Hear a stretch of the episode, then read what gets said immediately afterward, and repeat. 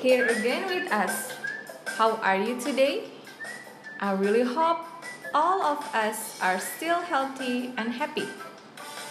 Today, in the dry season and almost the rainy season, we come with a new story for you and we hope you will enjoy it.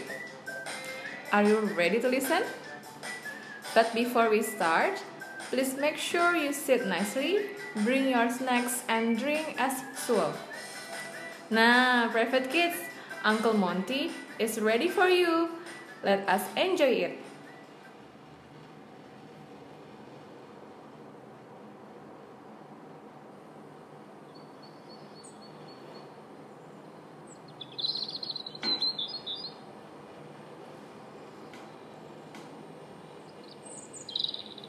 Once, in one summer season's day, there was a grasshopper that was jumping around, chirping and singing to its heart's web content in an area. An ant passed by, berthing along with massive toil an ear of corn. He was saving to the nest.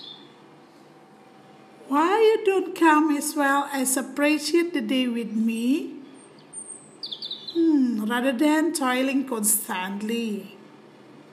I am most likely to lay up food for the following winter months and recommend you to do the same with me. Why should we care about winter time? We have had a great deal of food recently. Yet, the ant kept walking on its way and also proceeded its toil.